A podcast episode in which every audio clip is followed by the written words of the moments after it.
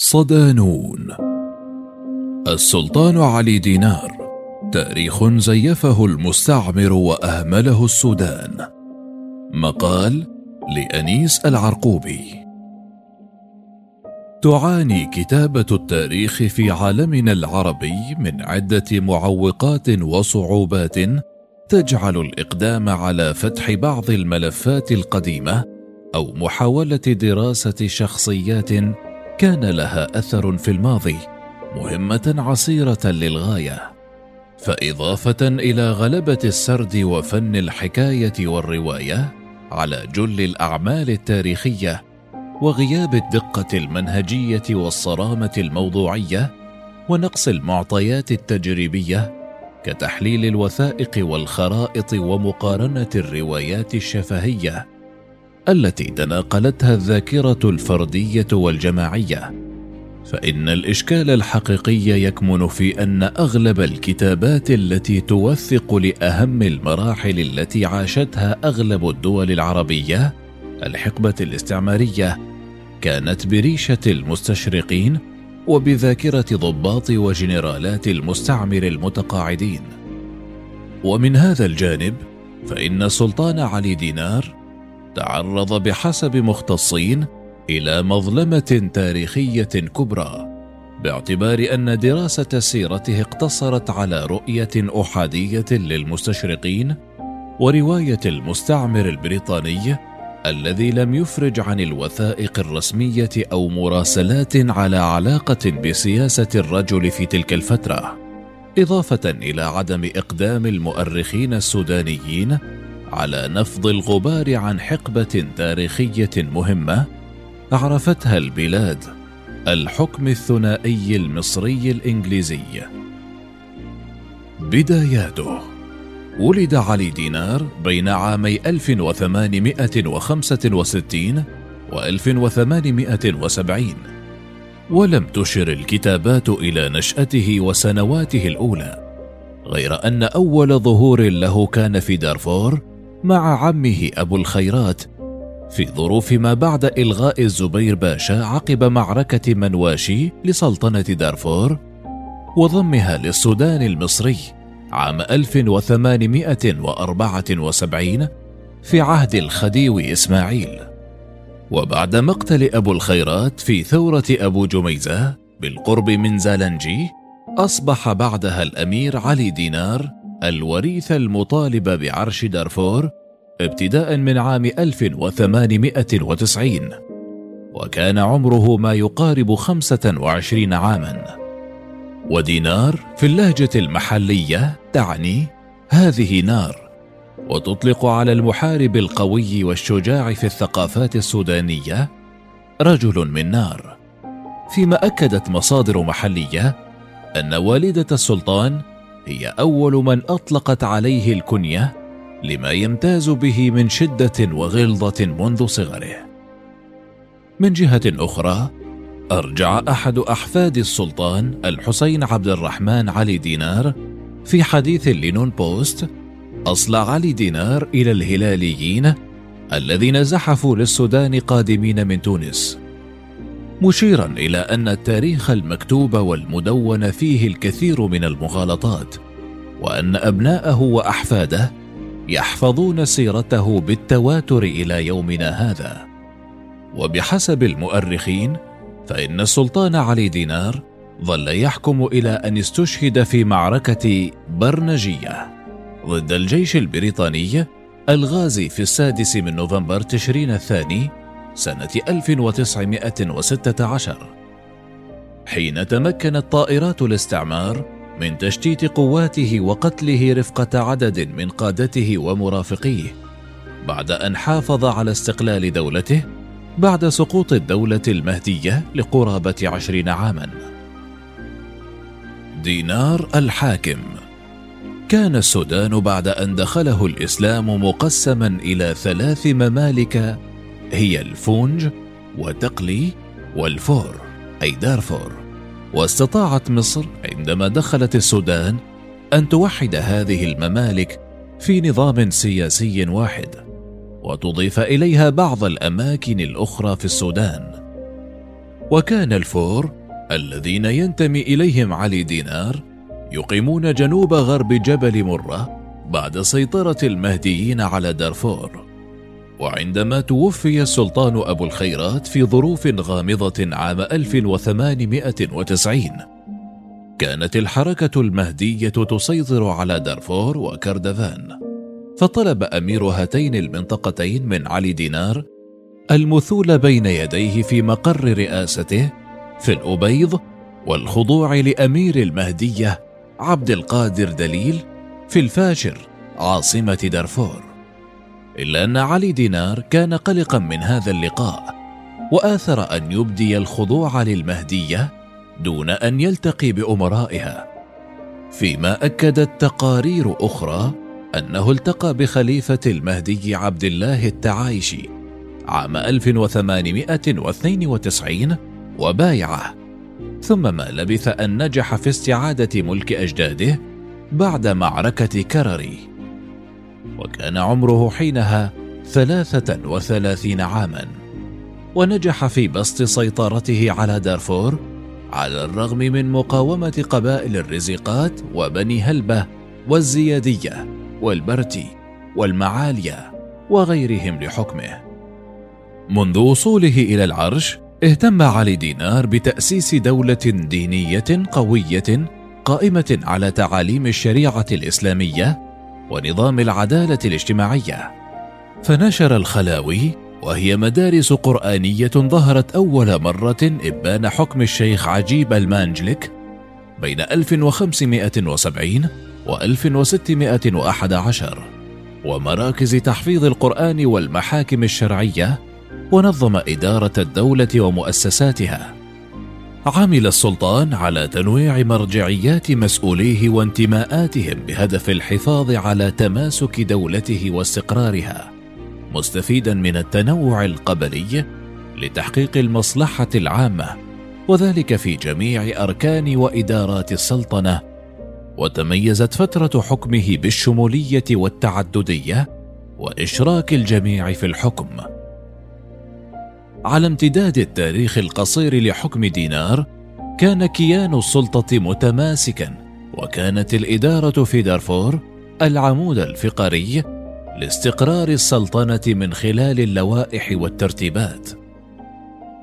كما عمل السلطان علي دينار على تثبيت زعماء القبائل على قبائلهم وتكوين مجلس شورى ودار الإفتاء والقضاء ومجلس الوزراء والمستشارين.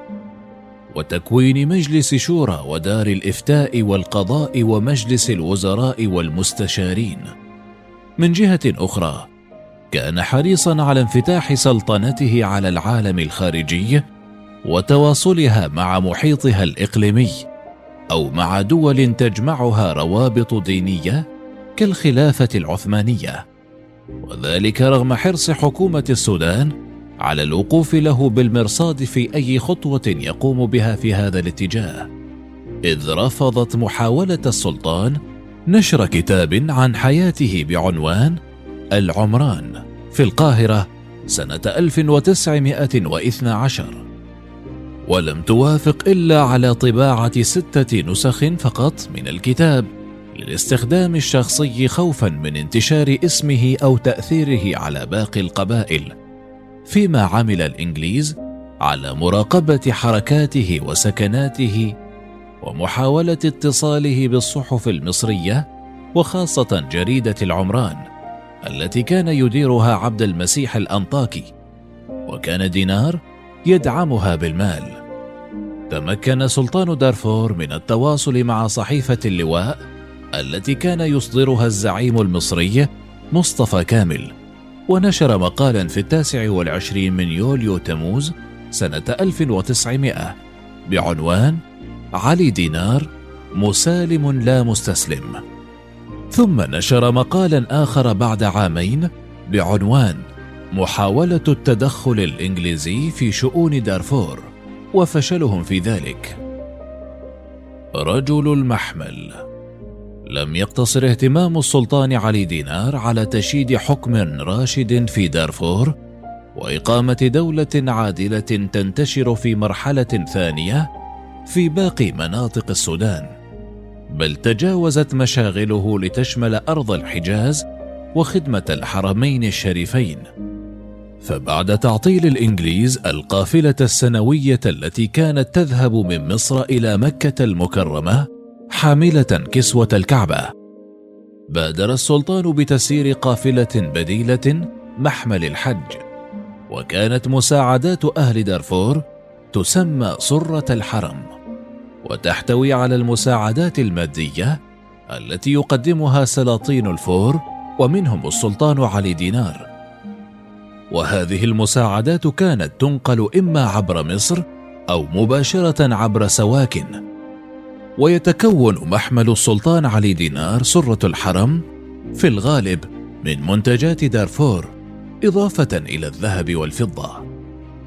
وإضافة إلى ذلك أوعز السلطان دينار إلى جنوده بحماية وتأمين قوافل الحجيج القادمة من دول غرب إفريقيا نحو مكة مارة بمدينة الفاشر عاصمة السلطنة. كما حفر السلطان ابارا في الأراضي المقدسة لترتوي منها قوافل الحجيج. وبحسب المؤرخين فإن الآبار الشهيرة التي يطلق عليها أبيار علي في الأراضي المقدسة تحمل اسم السلطان علي دينار. مداهنة الإنجليز ودعم الخلافة. يعتبر السلطان علي دينار من أواخر حكام العالم الإسلامي الذين قاوموا الزحف الاستعماري مستخدما في ذلك مهاراته السياسية والدبلوماسية والعسكرية حيث نجح في حمل الإدارة البريطانية على تبني أجندتها القائمة على إبعاد فرنسا من دارفور. وتوصل في عام 1910 إلى تهدئة مع فرنسا. ولكن الأخيرة لم تف بتعهداتها وهاجمت دارفور. الأمر الذي دفع بالحكومة البريطانية إلى الاقتراح على نظيرتها الفرنسية التحكيم الدولي لحسم تبعية دار تاما والمساليد والقمر لوداي أو دارفور. ولكن قبل أن تكتمل الإجراءات انفجرت الحرب العالمية الأولى في أغسطس 1914 بين الحلفاء بريطانيا وفرنسا وإيطاليا والمحور ألمانيا وتركيا. استغل السلطان علي دينار انشغال الإنجليز في الحرب العالمية الأولى ليمتنع عن إرسال الضريبة المقدرة بخمسمائة جنيه سنويا ونجح في تصنيع الذخيرة وضرب عملته الخاصة. كما عزز تواصله مع دولة الخلافة العثمانية ودعم الحركة السنوسية رغم توجسه منها في بادئ الأمر عند توسعها في إفريقيا بتركيز الزوايا في مقاومتها للاستعمار الفرنسي في تشاد والإيطالي في ليبيا. كما بعث رسالة إلى السلطان في الأستانة واصفا فيها أوضاع المسلمين في دارفور جاء فيها إن جبرنا على مواصلة دولة الإنجليز وصرنا نعاملهم تارة بالمشاحنة معهم وتاره في حفظ إيماننا وإسلامنا في بلادنا. في مقابل ذلك كتب وزير الحربية التركي أنور باشا خطابا طويلا لعلي دينار. مجده فيه ثم دعاه للثورة على بريطانيا والانضمام للكفاح المسلح ضد الكفار فيما رد الإنجليز على ما سموه انقلاب السلطان علي دينار وتمرده عليهم بتأليب القبائل عليه لإضعاف سلطته تمهيدا لحربه إضافة إلى تسليحهم القبائل المعادية له كالرزقات لتنتقل بعد ذلك إلى المواجهة المباشرة معتمدة لأول مرة الطيران الحربي في موقعة برنجيه التي أسفرت عن مقتل السلطان علي دينار على يد قوات الرائد هدلتسون وفي السياق ذاته يقول عبده بدوي لقد كان السلطان عازما على السير شرقا لوضع السودان جميعا تحت سيطرته وتخليصه من الحكم القائم ولكن الإنجليز ما يكادون يحسون بهذا حتى يرسلوا إليه حملة بقيادة كل باشا ويثيرون عليه رجال الدين في الخرطوم ويطلبون منهم الكتابة إليه في هذا الشأن فيسارعون بطلب دخوله في طاعة الحكومة ولكنه كان مصمما على تسوية جميع خلافاته مع الإنجليز. التاريخ بعيون الغزاة. لم تقتصر سيطرة الاستعمار على حدود الجغرافيا ونهب الثروات الطبيعية واستعباد الشعوب بل تجاوزته إلى التحكم في الهوية والثقافة عبر مناهج علم التاريخ والمؤرخين. خدمة لأغراضها وإدامة لاستيطانها واستمرارا لسطوتها. ومن هذا الجانب عمل الإنجليز على تشويه صورة السلطان وإظهاره في شكل الدكتاتور المسلط سيفه على رقاب العباد. فيما قدمت نفسها وهي الغازي المخلص. فألصقت به الافتراءات والأراجيف وزيفت سيرته بعد موته. الباحث في سيرة علي دينار يلحظ أن أغلب المهتمين بدراسة تاريخه كانوا أجانب وتحديدا من الإنجليز. من أمثال ألان ثيوبولد في كتابه علي دينار آخر سلاطين دارفور وريتشارد هيل في مؤلفاته عن الحكم التركي والمصري وجورج ساندرسون الصراع الأوروبي على منابع النيل.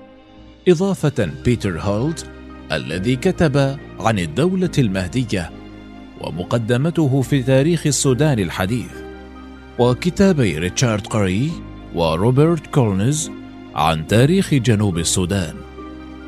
يرى بعض السودانيين أن المستشرقين اقتصروا في كتاباتهم على نشر شذرات من تاريخه التي ركزت على زوايا معينة أهملت فيها الجوانب المضيئة من مسيرة حكمه. في مقابل ذلك رموه بكل ما هو مشين فهو في نظرهم متسلط وديكتاتور. فيما اقتصر اهتمام السودانيين على الاحتفال بالذكرى السنوية للسلطان دون فهم المراحل الدقيقة التي مرت بها بلادهم إبان الاستعمار الإنجليزي والحكم الثنائي.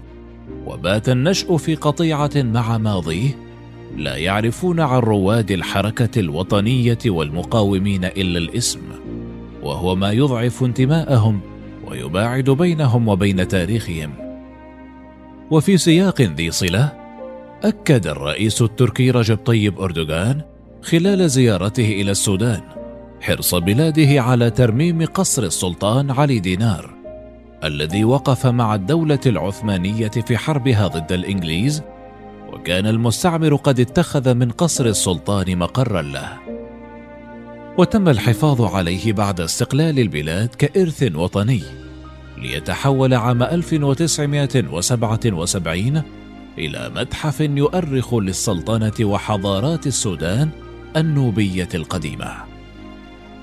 بالمحصلة فإن السودانيين بحاجة إلى إعادة قراءة سيرة علي دينار وتجربته السياسية والدينية والثقافية والإدارية، والأهم من ذلك الوطنية. فإن السلطان كان مستميتا في الدفاع عن انتمائه إلى دينه في المقام الأول، ومبادئه حيث لم يرضخ لابتزاز الإنجليز، لاستمالته واستعماله في نهب خيرات بلاده، واختار مقابل ذلك أن يكون العدو الأول للمستعمر والتضحية بسلطانه وحياته كما يمكن اعتبار تاريخ علي دينار منطلقا لفهم ما يدور في الوقت الراهن في إقليم دارفور الذي يقبع تحت وطأة الانقسام والفوضى. ومن ثم حل مشاكله في إطار إقليمي بعيدا عن التدخل الأجنبي.